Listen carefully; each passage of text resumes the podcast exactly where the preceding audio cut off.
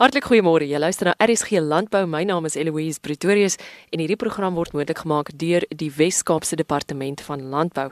My gas vanoggend, sy naam is Rico Basson. Hy is die bestuurende direkteur van Winpro. Dis wonderlik om jou hier te verwelkom, Rico. Eloise, goeiemôre. Dis 'n voorreg om met julle te gesels. Binne en buite landboukringe is Winpro 'n naam wat mense gereeld hoor. Wat doen julle? Winpro is die diensteorganisasie vir die ongeveer 3000 wynprodusente en ook kelders.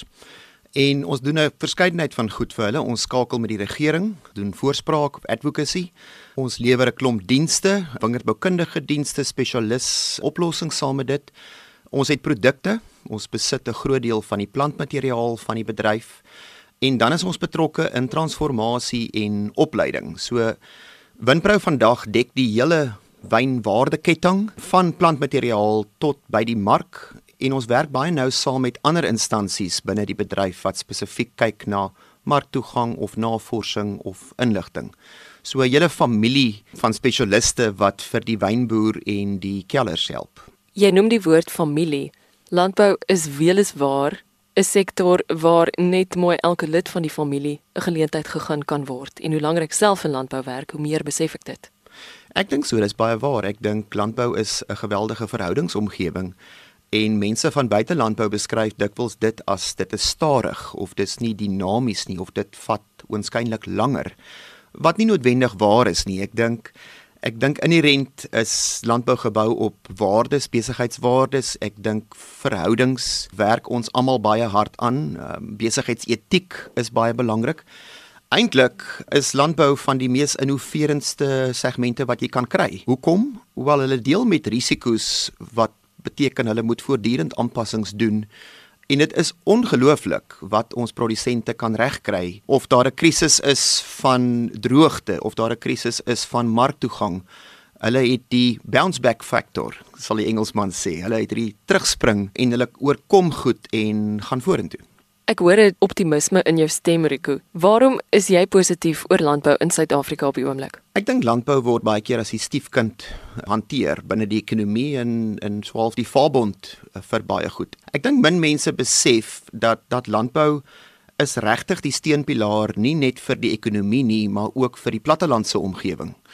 As jy landbou daar sou uithaal, gaan jy verskeie dorpe eenvoudig toemaak gaan jy besef daar is ewe skielik ongelooflike werkloosheid en 'n stabiliteit wat nie daar is nie, maar maar binne die groter ekonomie, ons het sopas gesien weens landbou se prestasie het die totale ekonomie uit resessie uit begin uitlig. As jy na syfers wil glo, sodra landbou nie presteer nie, vind jy dat die groter ekonomie sukkel en wanneer landbou presteer, doen die ekonomie beter. So ek is optimisties. Ek dink daar's geweldige uitdagings, geweldige beleidsonsekerheid.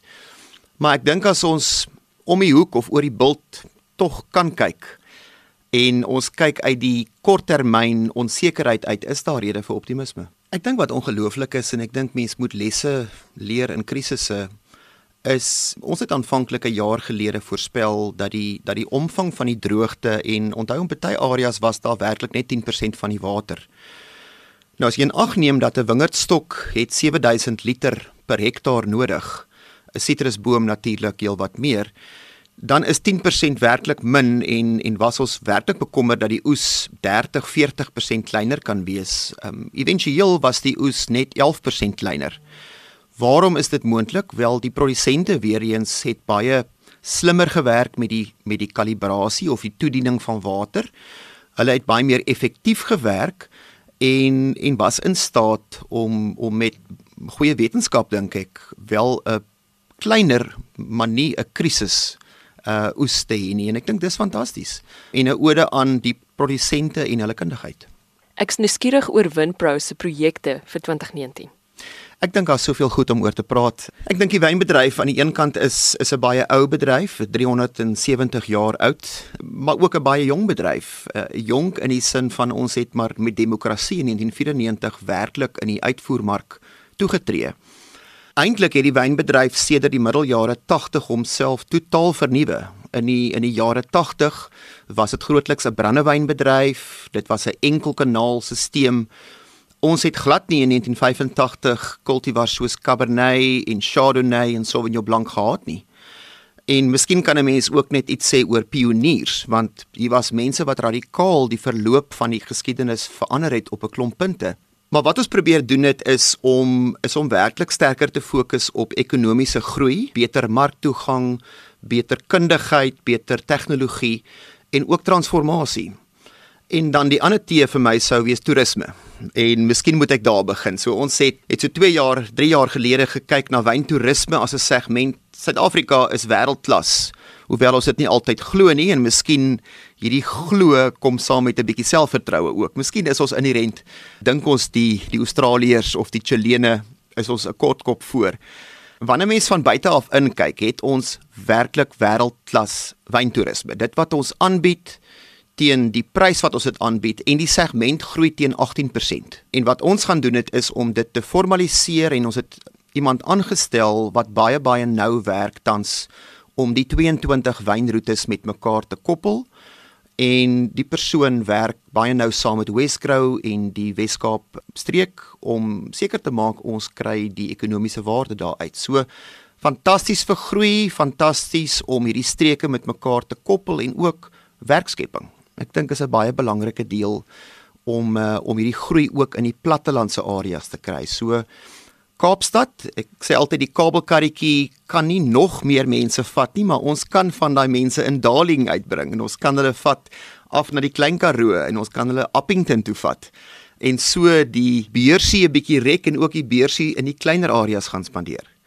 Dan 'n tweede projek is wat ons noem Gen Z en Gen Z is die wingerd van die toekoms vir ons. En en wat ons daar doen na mate proefpersele begin sukkel het en platgeval het, het ons as bedryf besluit kom ons gaan plant die heel beste tegnologie in die nege wynstreke want sien is glo. En wat ons daar doen in vennootskap met streke is ons plant die nuwe kultivar tegnologie op verskillende prieelstelsels met die heel beste besproeiing en produsente kan fisies kom kyk na die proewe en op grond daarvan besluite neem oor wat die heel beste sal werk. En ons gaan ook nou saam met departement wingerd en wynkunde by Stellenbosch en ook met Elsenburg baie nouer met die studente werk want ek dink die opleiding is net so belangrik om die studente bekend te stel aan dit. Daar's soveel ander projekte om oor te praat, tegnologieprojekte, transformasie. Dit doen ons ongelooflik baie werk om swart handelsmerkbesighede te groei en te help en of dit is dat hulle 'n uh, dranklisensie moet kry en of dit is dat hulle by ProWine wil gaan uitstal ons mentorskap program ons hulp ons program met swart gegradueerdes waar ons um, ons noem dit die linkage program waar ons seker maak dat die bedryf hulle nie net oplei nie maar ook plaas binne 'n werksgeleentheid en dat ons die talent kan deel. So 'n hele klomp projekte wat opwindend is. Baie mense gaan inskakel en verras wees om te hoor dat ons land 22 wynroetes het. Waar is hulle? Hulle strek natuurlik reg oor die Wes-Kaap, ook natuurlik die Noord-Kaap en ons het selfs in die Oos-Kaap en Natal. So wat ons vind is dat die meerderheid van die wingerde is Wes-Kaap gebonde, maar ons het in ander provinsies het ons ook nou wingerde wat geplant word. Daar's tot 'n brandewynroete. En ek dink dit is fantasties dat elke roete het sy eie identiteit. Ehm um, nie almal van hulle het noodwendig dieselfde vlak van befondsing nie. Natuurlik het jy bekende en ou roetes so Stellenbosch en Franshoek. Maar dan jy nuwe roetes soos die Hemel en Aarde Vallei en jy Darling en jy het Namakwa-land. En wat fantasties is dat hierdie hierdie roetes kan met 'n oproep of 'n e-pos of 'n webblad kan jy werklik klomp inligting kry en selfs toere vir jouself uitsit. So ons het 'n ons het 'n enkel kanaal gaan skep, 'n Visit Winelands webblad waarop enige besoeker al hierdie inligting kan kry en dit maak dit opwindend en toeganklik. En buiten dat wyntoerisme opwindend is, is die loopbaanmoontlikhede ook legio. Absoluut. Ek dink men, min mense besef dat die die wynbedryf skep ongelooflik baie werk, as ek sê ongelooflik baie. 300 000 werksgeleenthede in Suid-Afrika is binne die wynbedryf. Daarvan sê ek altyd op plase, ons het so 95 000 hektaar. Vir elke een pos op 'n plaas skep die bedryf 10 ander geleenthede aan die kant die plaashek. En of daai geleentheid nou is toerisme en of die geleentheid is distribusie, Daar is werklik soveel verskillende opsies en nie net wingerdstok nie, maar ook ons kort die beste talent. Ons kort die beste kundigste mense want ons het 'n segment wat groei en nog sterker kan groei. Ons gesels vanoggend met die bestuurende direkteur van Winpro, Rico Basson. Rico, wat is jou raad aan 'n voornemende jong landboukundige? Ek dink mens moet mooi gaan kyk na die segment en ek sou ek sou baie mooi wil gaan kyk die tradisionele manier van bloot kyk na die wetenskap sê ek nie is uitgedien nie, maar ek dink daar's ander elemente wat jy vandag in 'n werk nodig het. Elemente soos wanneer jy in die werk kom, konflikhantering, die die sogenaamde softer skills, onderhandelingsvaardighede. En baie van die werk wat ons nou met kurrikulums doen is om seker te maak dat 'n student word beter toegerus vir die werksomgewing. Nee, ek sou as 'n landboustudent kyk na die segment, ek sou kyk na landbou en die meer as 72 industrieë binne in Suid-Afrika en besluit waar wil ek wees? Wil ek wees in 'n navorsingsbeen, wil ek wees in 'n produksiebeen? Wil ek wees in 'n verwerking en in 'n logistiese been en nie net vaskyk in produksie want mense is geneig om dit in 'n bepaalde raamwerk te sit wat nie noodwendig die enigste geleenthede is nie. Ek dink dis opwindend as ons noord kyk in Afrika, ons kan die statistieke maar glo 2050 is nie nou meer so ver nie. 'n kwart van die bevolking gaan in Afrika wees en ehm um, as jy wil en as jy kan bietjie gaan loer noord van ons grense. Daar is soveel multinasjonale maatskappye wat investeer in Afrika en ek dink dis 'n opwindende geleentheid as jy 'n jong dinamiese persoon is om te gaan kyk en te leer en dit wat jy leer terug te bring. Want Suid-Afrika se landbou bly groot en moet groei. Rico, daar's 'n storie omtrent 'n kultivar met die naam Chanel En dis 'n storie wat ek graag by jou wil hoor. Ja, ek het um, ons is almal bewus van die bekende kultivars soos Cabernet Sauvignon, Shiraz, Chenin Blanc.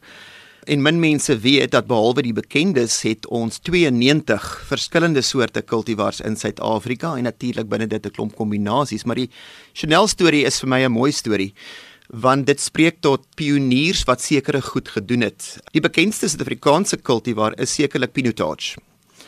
Maar professor Orfer wat gewerk het aan cultivars in die 70er jare het ook ander kombinasies gemaak en Chanel is een van hulle. Dit is nou nie die parfuum Chanel nie.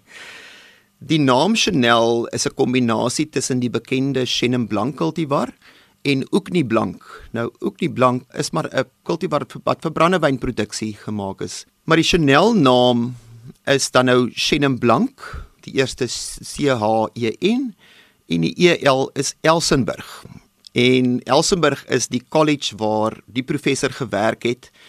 En Elsenburg se wynstudente het dan vir jaar ook 'n wyn gemaak met die naam Chanel. So ek dink dit is ongelooflik interessant dat jy 'n navorser het wat 40 jaar gelede hierdie wonderlike goed gedoen het wat ons vandag kan gebruik as innovasie en uh, trots Suid-Afrikaans. En ek dink dit is fantasties en daar's baie meer van die goed wat ons kan gebruik.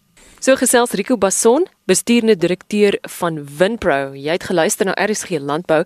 Jy's welkom om na nog van ons programme te gaan luister op www.elsenburg.com en op rsg.co.za. Ek's Eloise Pretorius. Groete tot volgende keer.